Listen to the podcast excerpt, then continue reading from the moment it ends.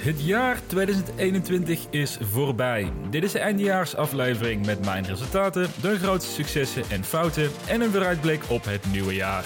Dit is de Mr. Don Podcast.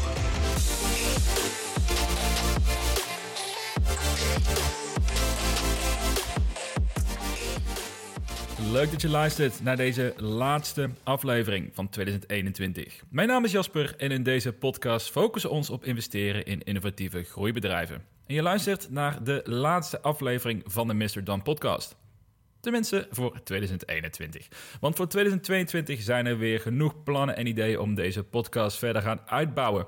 Daarover vertel ik je meer in het laatste deel van deze aflevering, want dit is de aflevering met een recap van 2021. De jaarafsluiting. We zijn bijna 12 maanden verder sinds de eerste aflevering van deze podcast. En twee jaar verder toen ik actief begon om mijn eerste stappen als belegger met iedereen te delen. En er is een uitspraak die ik ontzettend krachtig vind, ook om meer lange termijn te kunnen denken. En die gaat als volgt, namelijk dat de dagen zijn lang, maar de jaren zijn kort. En dat blijkt nu ook weer, want dit jaar is voorbij gevlogen. Waar gaan we het in deze aflevering over hebben? Nou, zoals je al hebt gehoord, het wordt een recap op het gehele jaar. Dus wat is mijn rendement geweest? Wat is mijn beste en slechtste investering? Welke domeinen wil ik graag in investeren voor de komende vijf jaar? Daarnaast deel ik mijn grootste miskleunen van het jaar en mijn belangrijkste learning met afsluitend mijn ambitie en plan voor 2022. Genoeg te bespreken in deze afsluitende aflevering van het jaar. Maar voordat we starten wil ik iedereen die deze podcast beluistert nog ontzettend bedanken voor de steun.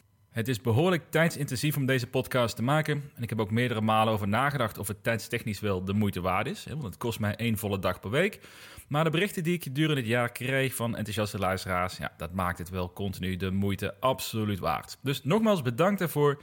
En ik hoop dat ik je ook in 2022 kan vermaken met content over investeren. Overigens biedt Spotify nu ook de optie om een podcast een cijfer te geven. Dus als je luistert via Spotify of via iTunes, nou, dan help je mij ontzettend door de podcast te waarderen. En als laatste de gebruikelijke disclaimer, de laatste keer dit jaar. Dit is geen financieel advies. Doe altijd je eigen onderzoek en beleg alleen met geld dat je voor een langere tijd kunt missen. Laten we van start gaan met het eerste onderwerp van vandaag. En we starten meteen goed, want ik ga met jullie delen wat mijn totale rendement is geweest over 2021.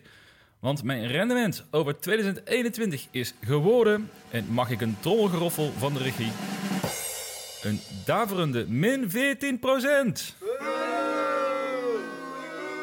Oké, oké, nu, ben ik, nu ben ik uitgespeeld met de geluidjes voor de rest van deze aflevering. Ik kon het niet laten, sorry daarvoor. Het is waar, het is waar, min 14% in het afgelopen jaar. En dat compenseert mijn rendement van het jaar ervoor. Dus dat betekent eigenlijk dat ik in twee jaar tijd niet echt heb kunnen profiteren van de bull market maar dat ik gelukkig wel een heleboel heb kunnen leren. En uiteindelijk ben ik begonnen met beleggen om dit de rest van mijn leven te kunnen blijven doen. Dus daar kan ik wel mee leven. Maar goed, min 14% jongens, waar komt dit vandaan? En ik moet toegeven dat crypto de pijn nog enigszins heeft kunnen beperken. Maar mijn aandelenportfolio, nou, die heeft het echt zwaar te voortduren gehad dit jaar. En niet alleen als je kijkt naar het einde van de streep, maar vooral ook de swings dit jaar, die waren echt bizar. En dat is nu eenmaal het lot van een belegger in groeiaandelen. Zeker als je werkt met een geconcentreerd portfolio. Dus laat ik je even vertellen wat ik dit jaar allemaal heb meegemaakt. Want het jaar begon echt fantastisch. Begin februari had ik een rendement van ongeveer 45% in dus anderhalve maand. Dat was ook de eerste keer dat ik een screenshot van mijn portfolio deelde met iemand anders met de opmerking dat het eigenlijk veel te makkelijk gaat.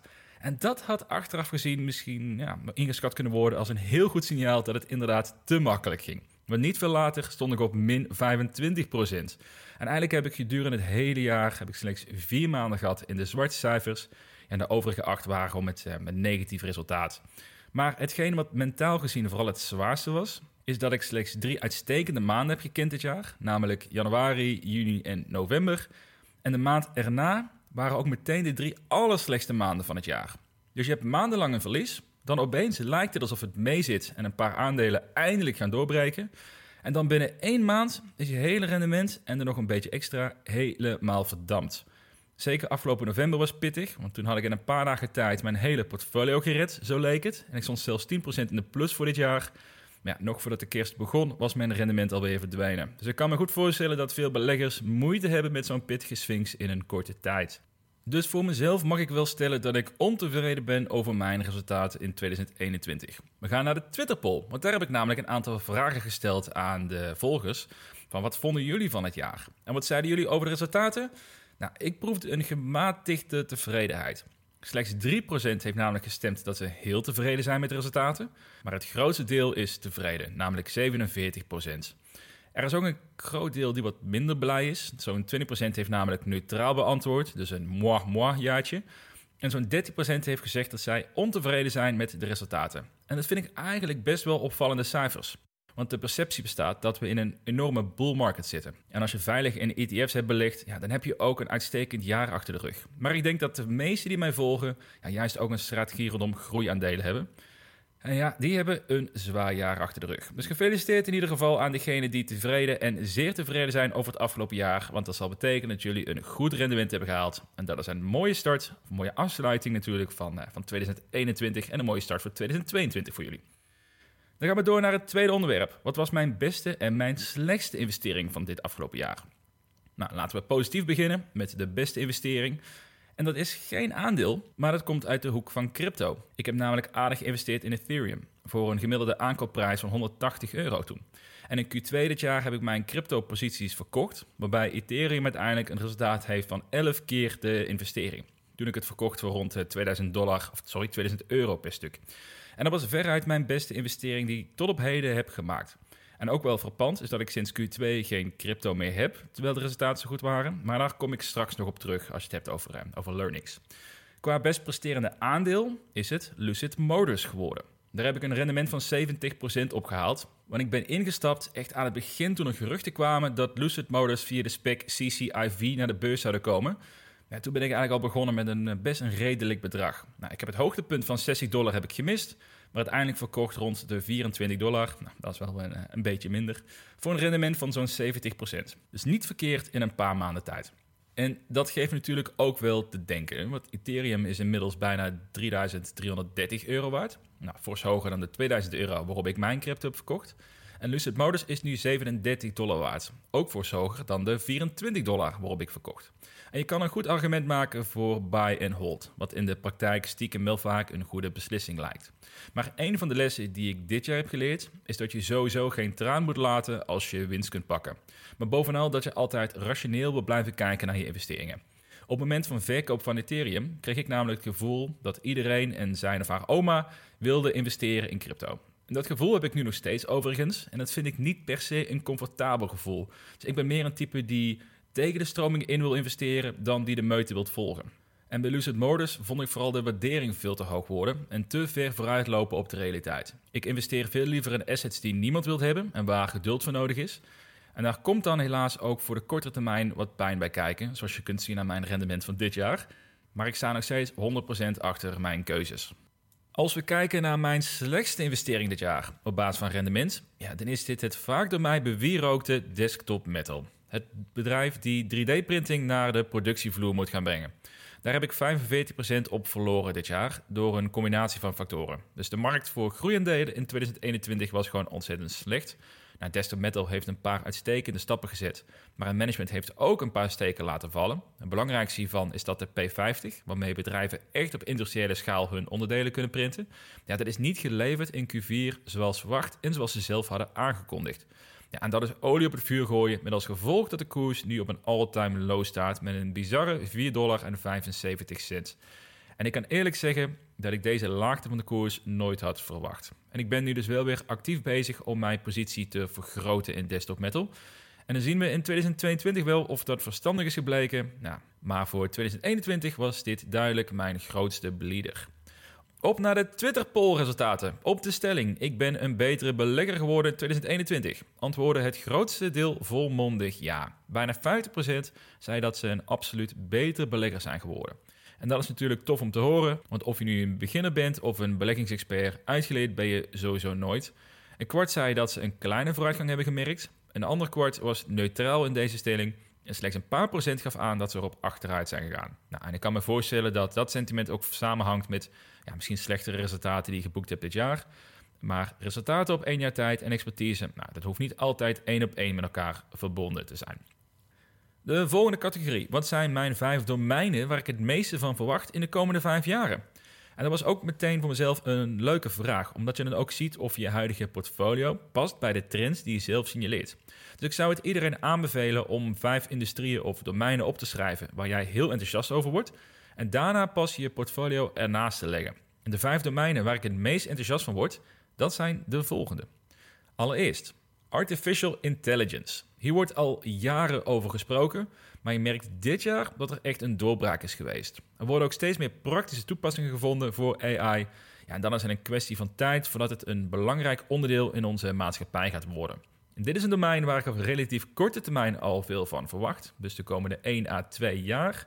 En qua aandelen kan je dan denken aan Nvidia, Google, Amazon, Microsoft, dus vooral een aantal megacaps die hier actief zijn. En ik heb mijn ogen open voor een opkomende AI-speler op de beurs, maar dat is nog even zoeken gebleken.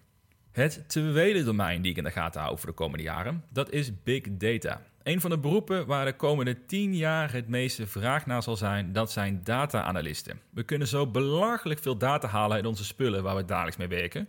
En daarmee zoveel optimalisaties en inzichten krijgen, dat big data een nog belangrijkere rol gaat krijgen in de komende jaren. Kijk alleen al naar de mensen die een horloge dragen, een smartwatch dragen, hoeveel data je daaruit kan halen. Wat je nu nog mag noemen eigenlijk als domme data. We doen er heel weinig mee eigenlijk. Nou, die data en eigenlijk alles wat we gebruiken door, ehm, door de dag heen.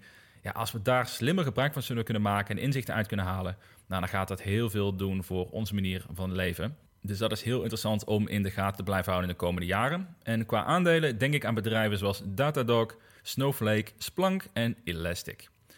Het derde domein is telehealth. De wereld wordt in recordtempo ouder, de populatie vergrijst en al die mensen hebben steeds meer medische hulp nodig. En telehealth zorgt ervoor dat veel meer mensen snel geholpen kunnen worden vanuit hun eigen huis op een betaalbare manier. Gecombineerd met nieuwe technologie, zoals bijvoorbeeld een chip onder je huid die jouw vitale lichaamssignalen kan meten en direct een groot lampje kan laten branden als er iets fout is, dat zorgt ervoor dat zorg veel toegankelijker moet gaan worden. En ik geloof hier sterk in. En qua aandelen kun je denken aan Teladoc, CVS Health en Amwell. Het vierde domein, en die voelde je wellicht aankomen, nou, dat is blockchain en Web3. Gemakshalve combineer ik beide even onder dezelfde categorie, waarin ik ook crypto en digital ownership zoals NFT's in meeneem. De belangrijkste nuance hierin wel is dat ik denk dat de hype nu veel te ver vooruit loopt op de realiteit. Er moet nog ontzettend veel ontwikkeld en uitgezocht worden voordat dit door de massa gebruikt kan worden. En de komende 10 jaar nou, zullen nog steeds veel bedrijven gebouwd worden op Web 2. Oftewel zoals wij het internet nu kennen. Maar tegelijkertijd merk ik ook dat er iets speelt met Web 3. Er zijn ontzettend veel slimme mensen ermee bezig. En ik heb geleerd dat als je vroegtijdig bij nieuwe technologie betrokken wilt zijn, dat je vooral een open mindset moet aanhouden. Anders is het heel gemakkelijk om alles te beschouwen als een scam of een Ponzi-scheme. Ja, vooral omdat je zelf niet goed weet wat er speelt en hoe het werkt. En ik denk dat blockchain en crypto de komende jaren een sterker praktisch nut gaat krijgen, wat uiteindelijk ook zorgt dat Web3 tot leven gaat komen. En dit is een domein waar ik wel echt de volle vijf jaar voor verwacht nodig te hebben. Qua aandelen kan je denken aan Coinbase voor de centrale exchange, je hebt Nvidia en Unity voor de metaverse toepassingen, maar zou ook kunnen denken aan bepaalde crypto, zoals Uniswap, die een gedecentraliseerde exchange hebben gebouwd. En bij dit domein zie je de werelden van aandelen en crypto in elkaar verweven raken. Dus dat is een interessante ontwikkeling ja, die bij mij ook weer eh, de ogen opent. Het vijfde en het laatste domein, dat is 3D-printing op industriële schaal. En die laatste toevoeging daarbij, die is wel ontzettend belangrijk. We hebben jarenlang geprofiteerd van een globale productiemaatschappij, waarin we importeren en exporteren als een malle. En het zou mij niet verbazen, mede door de learnings die we tijdens de pandemie hebben gekregen, ja, dat veel meer bedrijven ervoor gaan kiezen om meer lokaal te gaan fabriceren. Een van de beste manieren om dat voor elkaar te krijgen, is als je ook zoveel mogelijk onderdelen kan produceren in je eigen fabriek. En hier zie ik een grote rol voor 3D-printing op industriële schaal, zodat fabrieken nou, honderdduizenden schroefjes of andere onderdelen kunnen printen per dag op het moment dat zij het nodig hebben met de exacte specificaties zoals zij het willen hebben. Dus niet meer maandenlang wachten op vrachtschepen of een enorme voorraad aanhouden aan producten, maar produceren wanneer het nodig is en exact op de manier zoals het nodig is. Nou, qua aandelen kan je dan denken aan uiteraard Desktop Metal, Materialize, maar ook meer de OG's zoals een HP die zich hierin zullen gaan mengen. En dat zijn de vijf domeinen waar ik graag aandelen van in mijn portfolio wil hebben. Er zijn nogal meer interessante markten, zoals elektrische voertuigen en social media slash e-commerce. Maar die zijn allemaal al een fase verder. En ik denk dat dat inmiddels wel gemeengoed is dat mensen weten dat daar een, eh, een, een opportunity ligt voor investeerders. Laten we dan nog even een blik werpen op de Twitter poll. Daar legde ik namelijk de vraag voor: waar ga jij in investeren in 2022? Met de optie om te investeren in aandelen, crypto, NFT's of een combinatie ervan. En ik heb deze vraag een tijd geleden ook al eens gesteld. En ik merk dat de bereidheid om te investeren in crypto is gegroeid. Zo'n 46% geeft aan enkel in aandelen te willen investeren in 2022. Maar 42% zegt te willen investeren in aandelen en in crypto. Een tijd geleden lag dat dichter bij de 25 à 30%. Dus ik zie daar een nadrukkelijk stijging van interesse in crypto. Interessant om te zien.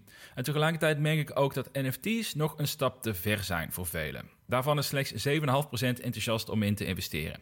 En dat is ook niet zo gek, want ik merk zelf hoe lastig het is om laagdrempelig in NFT's te stappen. Maar crypto heeft inmiddels wel duidelijk een plek veroverd bij de, noem het even, de moderne beleggers die ik hoop aan te spreken. Door naar mijn grootste miskleun en de belangrijkste learning van het jaar. Mijn grootste miskleun is het niet durven toeslaan op momenten van irreële angst in de markt, terwijl het aandeel wel op mijn buylist staat. Voorbeelden hiervan zijn PubMatic. Die beschouwde ik als een buy rond de 28 dollar. Zelfs toen hij rond de 21 dollar stond, wilde ik net dat beetje extra korting hebben voordat ik wilde kopen. Ik herinner mij ook dat ik op Twitter een berichtje plaatste met dat ik tegen mijn finger on the trigger zat om eh, de trigger over te halen, om het aandeel te kopen. Maar op dat moment stond de hele markt in dieprode cijfers. En ik heb uiteindelijk niet die stap te durven zetten. Want dat betekent ook dat ik een ander aandeel had moeten verkopen. Of in ieder geval een positie had moeten verkleinen. Nou, en achteraf gezien is het eigenlijk een ontzettend stomme zet geweest. Omdat ik volledig voorbereid was op dit moment. Ik had mijn analyse al lang afgerond. Ik beschouwde PubMatic als een uitstekende aankoop toen het aandeel 25% duurder was. Maar toch kon ik de trekker niet overhalen. Nou, inmiddels is PubMatic aardig in koers gestegen. En hetzelfde verhaal had ik met Unity en met Lucid Motors. Voor beide heb ik een uitgebreide analyse gedaan. Ik wist bij welke waardering ik graag een positie zou willen openen. Maar in beide gevallen was ik aan het wachten op net dat beetje extra korting. Unity op mijn must-buy lijst op 80 dollar. Dus echt een lijst die ik eigenlijk voor mezelf gemaakt heb om gewoon niet nadenken, maar gewoon kopen. En Lucid Motors stond op 17,5 dollar. Er was fundamenteel niets aan de hand met beide bedrijven, maar de koers daalde door verschillende redenen. Mijn koersdoel is in beide gevallen behaald, maar ik was gewoon gierig. Dus zo eerlijk moet je ook kunnen zijn. Ik wilde gewoon die extra korting hebben. Ja, en dat heeft mij gewoon een aardig rendement gekost. Want inmiddels staan ze allemaal zo'n 60% of meer hoger qua koers. Dus voor komend jaar, als ik een aandeel heb geanalyseerd en ik ben er enthousiast over, ja, dan wordt mijn must-buy doel ook echt mijn koopdoel. En dan uh, moet ik niet te veel aan mezelf twijfelen. Wat is nou de grootste vergissing geweest volgens mijn volgers op Twitter? Nou, dat is eigenlijk vrij eerlijk verdeeld over de drie keuzes die ik gegeven heb. 31% geeft aan een aandeel te vroeg te hebben verkocht. 25% geeft aan te veel vermogen in één aandeel gestopt te hebben. En een klein kwart geeft aan te betreuren een aandeel helemaal niet gekocht te hebben. Ook heeft nog 22% van de mensen gestemd op anders zie reactie. Maar ze hebben geen reactie achtergelaten. Dus dat mogen we zelf gaan, eh, gaan verzinnen wat, wat daar de reden achter is.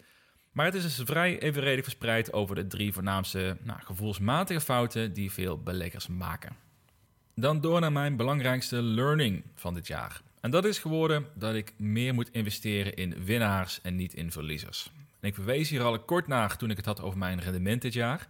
Ik heb dit jaar mijn crypto-positie afgebouwd om meer te investeren in aandelen. Ik dacht dat daar de upside gewoon veel groter in was. Achteraf gezien had ik het juist misschien om moeten draaien. Dus meer in de sterk stijgende crypto, waar steeds meer aandacht voor bestond, en minder in al dalende aandelen. En ik besef wel dat dit iets is waar ik nog aan moet werken. Want ik ben comfortabeler om bij te kopen als de koers fors daalt, dan wanneer een aandeel uitstekend presteert. En dat is niet per se de beste strategie, zo blijkt dat doorgaans. Nou, qua persoonlijke learning ben ik vooral aan het werken om meer feitelijk en open te kijken naar nieuwe ontwikkelingen. Ik was en ik ben eigenlijk sceptisch over NFT's, maar ik zie wel de potentie waarin het zich kan gaan ontwikkelen. En daar moet ik meer op focussen, in plaats van de negatieve elementen van nieuwe tech. En dat mag je ook verwachten van iemand die juist wilt investeren in nieuwe technologie. En het geldt ook voor andere zaken, bijvoorbeeld sceptisch over bepaalde aandelen waar ik zelf niet genoeg onderzoek naar heb gedaan. Ik denk dat een open mindset gaat zorgen dat je zelf ook veel meer kansen gaat zien en die ook durft te pakken op het moment dat daar het, eh, de tijd voor is aangebroken. Nou, wat zien dan mijn Twitter-volgers als hun belangrijkste doel voor 2022? Nou, dat is helemaal eerlijk verspreid over drie keuzes. Namelijk het leren aandelen analyseren, het bouwen van een nieuwe portfolio-strategie of juist meer of minder risico nemen. Nou, dat is allemaal ongeveer een derde van de stemmen. En ik ben vooral heel benieuwd naar diegenen die een nieuwe portfolio-strategie gaan opstellen. Dus laat mij weten via Twitter wat je van plan bent en hoe je strategie eruit ziet. Ik denk dat dat ontzettend leuk is om open te bespreken. En ook heel leerzaam voor jezelf en voor anderen. Dus als jij even open staat, deel het gerust via Twitter. En misschien is dat ook nog een leuk onderwerp voor een aflevering in het komende jaar. Dan afsluitend mijn ambitie als belegger voor 2022. En daarnaast, wat zijn mijn plannen met deze podcast? Want je moet natuurlijk ieder jaar wel afsluiten met een doel en een goed voornemen. Het afgelopen jaar heb ik de switch gemaakt van value-aandelen naar groeiaandelen. Daar voel ik mij goed bij, al wil ik wel mijn portfolio iets gaan uitbreiden. Mijn voorkeur heb ik in alle industrieën waar ik het er straks over had, eh, waar ik dus veel potentie in zie, er allemaal een positie in. Nou, voor komend jaar wordt sowieso voor Canoe ontzettend belangrijk, want einde 2022 moeten de eerste auto's op de weg rijden. En als dit hen lukt, dan verwacht ik ook dat de koers ruimte gaat bieden om andere posities te openen. Dus ondanks dat het rendement dit jaar belabberd was met deze strategie, heb ik er bewust voor gekozen om een portfolio te maken voor de komende vijf jaren. En dat blijf ik ook doen. Het zou wel heel makkelijk zijn om daar nu mee te stoppen na één minder jaar. En uiteraard blijf ik al mijn investeringen ook transparant met jullie delen via Twitter en de Mr. Don website. Daarnaast wil ik ook stapsgewijs gaan bouwen aan mijn toekomst als angel investor. Het gaat nog een hele tijd kosten om op niveau mee te kunnen spelen met andere angels investors in Nederland. Maar ik heb nu wel alle tijd om mezelf goed voor te bereiden. En ik zie daar een leuke uitdaging in en heb dan ook de ambitie om de komende jaren bij minimaal twee startups in Nederland een actieve rol te gaan spelen. Als investeerder slash adviseur. En ook die ontwikkelingen, nou, die zal ik met jullie blijven delen. Al blijft de focus natuurlijk wel op beleggen in aandelen. Want dan de ambitie met deze podcast. We zijn bijna 1 jaar en 60 afleveringen verder. Oeh, nou. En als ik het zo uitspreek, dat klinkt nog veel meer dan, ik, dan, hoe we dat voelden. Nou, ik heb het format een aantal keer aangepast in mijn zoektocht om er een toppodcast van te maken over beleggen in groeiendelen. Ja, ik ben nogmaals ontzettend dankbaar voor iedereen die de show gesteund heeft in het afgelopen jaar. Voor het komende jaar heb ik meerdere ideeën om deze podcast net dat extra zetje te geven qua kwaliteit en qua vermaak. Een van de dingen die ik gemerkt heb, is dat het ontzettend leuk is om met iemand anders te kunnen praten over investeren. Dus afleveringen over angel investing bijvoorbeeld, die zijn misschien niet voor iedereen even relevant, maar ik heb wel ontzettend positieve reacties gekregen over de aflevering met Paul Veugen. En ik weet zeker dat de aflevering met Quinten Schevenels van 3 januari ook ontzettend tof gaat zijn.